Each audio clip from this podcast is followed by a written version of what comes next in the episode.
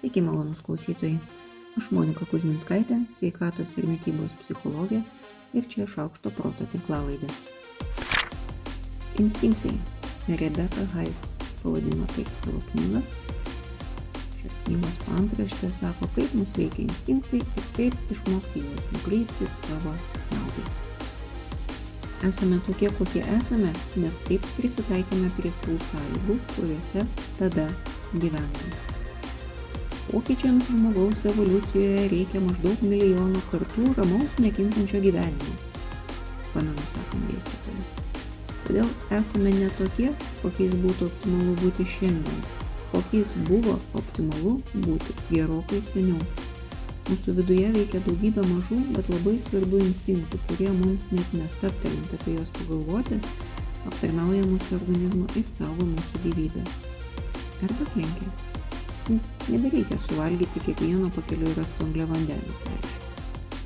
Svarbiem dalykam suprasti reikia laiko. Ir skaitimas tam sukuria puikias sąlygas. Ši knyga yra apie tai, kas verda po mūsų sąmonės paviršiumi. Ir kaip rasti, kaip pakeisti, nes tai nėra nekintantis dalykai, kaip rasti tuos instinktus, kurie dabar visiškai nenaudingi. Žingsnis po žingsnio ar iš naujo ir iš karto. Daugybė straipsnių, mokslinių be abejo, tebe kalba apie tai, kad elgesio ir nuo jo priklausančios sveikatos ir kitokių to elgesio rezultatų pokyčiai yra efektyviausi tada, kai keičiama nuolat ir po nedaug. Daugybė popierinių ir skaitmeninių žurnalų, nemokslinių, tebe rašo apie per septynias dienas nuo pirmadienio visiškai nebejau po pirmo karto pamatysit pastebimą pokytį ir panašias taktikas, kurios matyti tebėra populiarios, nes kitaip žurnalai apie jas nerašytų. Taip, suprantu, kad žurnalai gali ir skatinti tas taktikas, bet nereaguoti jų populiarumą, bet kol kas jas padėkime šonu. Jau labiau, kad, man atrodo, jų laikosi ir žurnalų neskaitantis žmonės. Mokslinėje literatūroje jau susiformavo terminas nudge kuris lietuviškai reiškia mažą pokytį, stumtelėjimą. Kalbant apie valgymą, tokių mažų postūmių gali būti. Dėmesingumo maistui valgymui ir alkio priežastinis didinantis maisto dienoraštis. Savo ruoštų dėmesingumas yra svarbus valgysio, valgymo elgesio keitime, nes dauguma žmonių valgymo sprendimus priima spontaniškai ir netgi visiškai priešingai turimoms nuostatoms apie tai, kokia jų mytyba turėtų būti. Trumpa reklama ten šaukšto proto puslapyje rasite grupę pavadinimu šiandien valgiau štaiką, kurioje darom būtent tai, sukuriam erdvę ir vietą savo maišto dienoraščiui. Jeigu įdomu, nori pasiimkite programą. Antra. Valgymo aplinkos aspektai, pavyzdžiui, kurio nors patiekalo kaina. Padvigubinus tokio bufeto, kad galima valgyti kiek nori kainą, žmonės valgo daugiau, kad lyg ir kabutėse kompensuotų didesnę kainą. Netgi tada, kai maisto skonis buvo gerokai prastesnis, jie valgė daugiau ir džiaugiasi mažiau.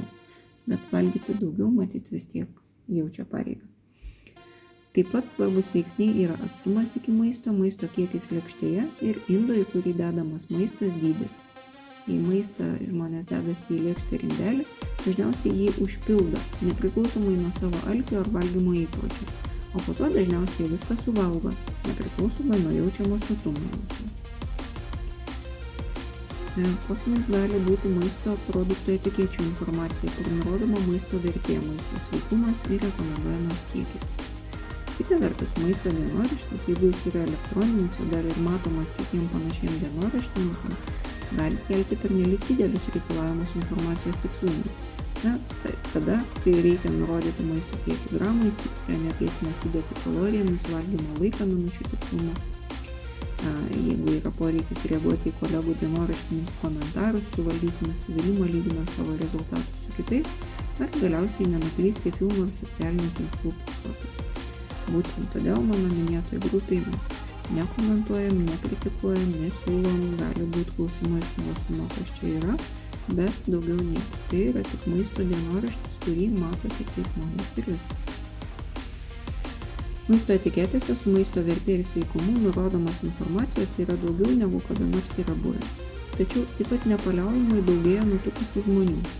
Tyrėjai teigia, jog mažų postumių politika veikia tik jau sveikai maitinantis nusiteikusius žmonės, jų nėra pakankamai daug. Be to informacija etiketėse produktų gamintojai manipuliuoja tam, kad sukurtų sveiko produkto aureolę ir pakeistų įsivaizduojamą maisto kiekį. Gali būti, kad poveikis pasireiškia tik intervencijos metu, kai postumio šiuo atveju trumpų priminimų elektroniniais laiškais nebelieka, tai išblėsta ir efektas. Pati postumio forma taip pat labai svarbi, jis negali būti toks mažas, kad taptų nematomu. Žmonės mano, jog nesąmoningam lygmenyje veikiantys sprendimai dėl maisto pažeidžia asmens laisvę ir yra nepageidaujami. Apskritai, eksperimentuojant nustatyta, jog efektyvesni pokyčiai raginantis valgyti mažiau nesveiko maisto negu daugiau sveiko. Mažiau nesveiko maisto valgyti yra gerai siūlyti, o valgyti daugiau sveiko ne taip gerai. Na, ką aš manau visą tai perskaičiu. Maži postumiai pasireiškia pozityviai, kai žmogus pats juos susikonstruoja savo. Tai yra užsirašo priminimus, dėmesingai renkasi maistą ir jį valgo, bet to, kai žmogus žino ir supranta, koks aplinkos poveikis. Dažniausiai užtenka tos poveikius atpažinti ir sąmoningai vardinti. A, lėkštė didelė, tai norėsis įsidėti daugiau. Bet įsidėsiu tiek, kiek visada įsidėdavo, trišaukų mažų poveikių iš aplinkos neišvengsim nei juos sukontroliuosim bet tikrai galime savo dėmesio padedami pasinaudoti teigiamais postūmiais ir nesileisti stumdomiems neigiamų aplinkos poveikių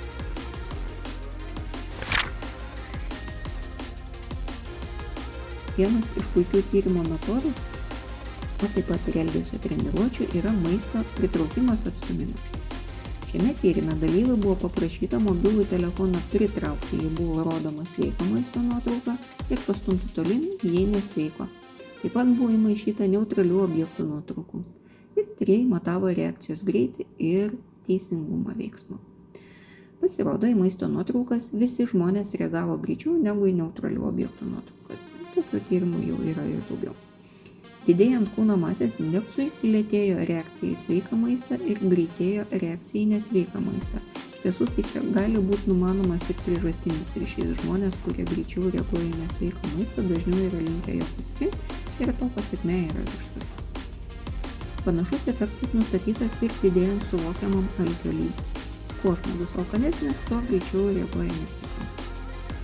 Tai ir paaiškina vieną iš nutukimo priežasčių ir yra veiksnys, į kurį visada verta atkreipti dėmesį. Kaip taip visada sakydavom, į parduotuvę eiti alkanam negali.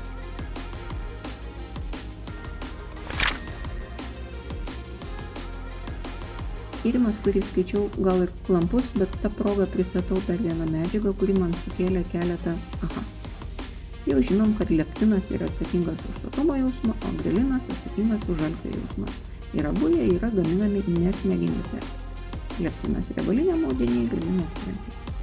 Į jų signalus reaguoja pogumburis galvos smegenyse. Na, tai susipažinkite su dar viena medžiaga - melanokurtinai. Melanokurtinus gamina galvos smegenys, juos taip pat gamina odos keratinocitai, kai juos veikia ultravioletiniai spinduliai. Kai galvos smegenys gamina melanokurtinus, apetitas yra slopinamas kai melanokurtinus gamina oda, apetitas yra skatinamas. Bendras rezultatas priklauso ir nuo leptino grinino lygio, bet kaip visada ne viskas taip paprasta. Be daugiau chemijos noriu pastebėti, kad pabuvus laukia, ar kaip sakydavom, griname ore, apetitas pagerėja ir dėl to, kad oda gavo ultravioletinių spindulių. Jokių būdų neskatinu vengti saulės, jei norite leknėti, bet suprasti procesus visada verta čeburekų pardavėjai tai jau senai žino. Tai dabar žinokit ir jūs. Ir kad ir kaip telefonai kenkia, mes jau žinom, bet gal vis tik išmokim juos naudoti tinkamai ir problemų bus reikšmingai mažiau. Šiame tyrime buvo vertinta, ar išmaniųjų telefonų naudojimas padeda mažų vaikų mamoms doroti su stresu. Paaiškėjo, kad tam išmanieji telefonai netinka Nors mamos, kurios bendrai teigiamai vertina telefoną, jie stresui vaikui ir naudoja dažniau. Pozityvus žiūrimas turinys buvo siejamas su geresnė suvokiama stresų įveikia. Bet čia labai svarbu pabrėžti, kad atrodo ir yra skirtingi dalykai ir šio tyrimo rezultatai būtent kartą tai ir įrodo. ką telefonas tikrai daro, tai nukreipia dėmesį nuo stresoriaus, bet kartu nukreipia dėmesį ir nuo realaus streso sprendimo. O jūs, ar grėbėtės telefono susinervinimą?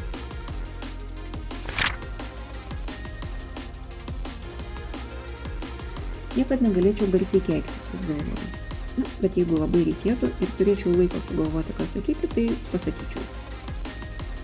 Šitas yra ko gero paskutinis negalėčiau, kuris mano galvoje dar gyvena, nes niekaip nesugalvoju to, jeigu labai reikėtų. Ir kokios tokios naudos iš to galėčiau gauti. Na, nebent pasitaikytų tokie darbininkai, kurie tik kas antrą žodį sakytų tokį. Ir man kitaip nepavyktų su jais susikalbėti. Bet kodėl man būtinai reikėtų su jais bendrauti, irgi nesugalvoju. Nes kažkaip visada išsiverčiu su labai profesionaliais ir nesikeikiančiais. O jeigu tai būtų kas nors kito, jeigu tai būtų, niekad negalėčiau kalbėti viešai, niekad negalėčiau apsirengti bet kaip, išeiti nepasidažius, paprašyti daugiau algos. Tokios mintis yra mintis stabčiai. O be jų gyvenimas galėtų būti gerokai ramesnis, laisvesnis, turtingesnis, bet koks kitoks. Ar turit tokį savo niekad negalėčiau, kuris realiai jūs varžo? Iš karto siūlau negalvoti apie tokius kraštutinumus kaip nužudyti. Vidinis pasipriešinimas yra gerai, bet jums šiuo atveju negelbsti. Jei kitokių neturit ir ilgiau pagalvoja, na, šis eksperimentas vadinasi ne jums. Bet jeigu turit tokių minčių stabčių, kurios nėra kraštutinės ir kurias jums reikėtų išspręsti, tai tada išbandykite tai, ką siūlau. Bandykite įsivaizduoti, kaip vis tik vyktų tas niekada negalėčiau. Leiskite tam pirmam kabutėse filmui būti tokiu baisiu, kokiu jūs norite. Po to išbandykit realistiškesnę versiją. Kaip visada, kuo daugiau detalių, tuo geriau. Pasitarkit su savim, ar tai, ką įsivaizduojat, yra realistiška ir kiek baisu ar nepriimtina tai galėtų būti skalėje nuo 0 iki 10. Kokių realistiškų neigiamų pasiekmių turėtumėte? Kokių realistiškų pasiekmių teigiamai turėtumėte? Taip pat pasitikrinkit, ar jūsų vertinimai yra pakankamai objektyvūs ar detaliau pažvelgė į savo negalėčiau po to, kai jau apžiūrėjote ir iš teigiamos ir iš neigiamos pusės, ar vis dar nesijimtumėt to pabandyti. Jeigu nuomonę pasikeitė, būtinai suplanuokite artimiausią įmanomą galimybę, tai be atidėliojimo realiai išbandyti. Šiai savaitai tiek. Aš Monika Kuzminskaitė, sveikatos ir mytybos psichologė padedu spręsti kasdienius ir sudėtingus elgesio, mąstymo ir emocijų klausimus. Rašau, skaitau paskaitas, teikiu psichologinės konsultacijas. Mane rasit socialiniuose tinkluose vardu Šaukštas Proto arba gyvai Vilniuje Gošuto gatvėje. Rašykit man asmeninę žinutę socialiniuose tinkluose arba elektroniniu paštu adresu šaukštas.proto atgmail.com. Taikos ir ramybės.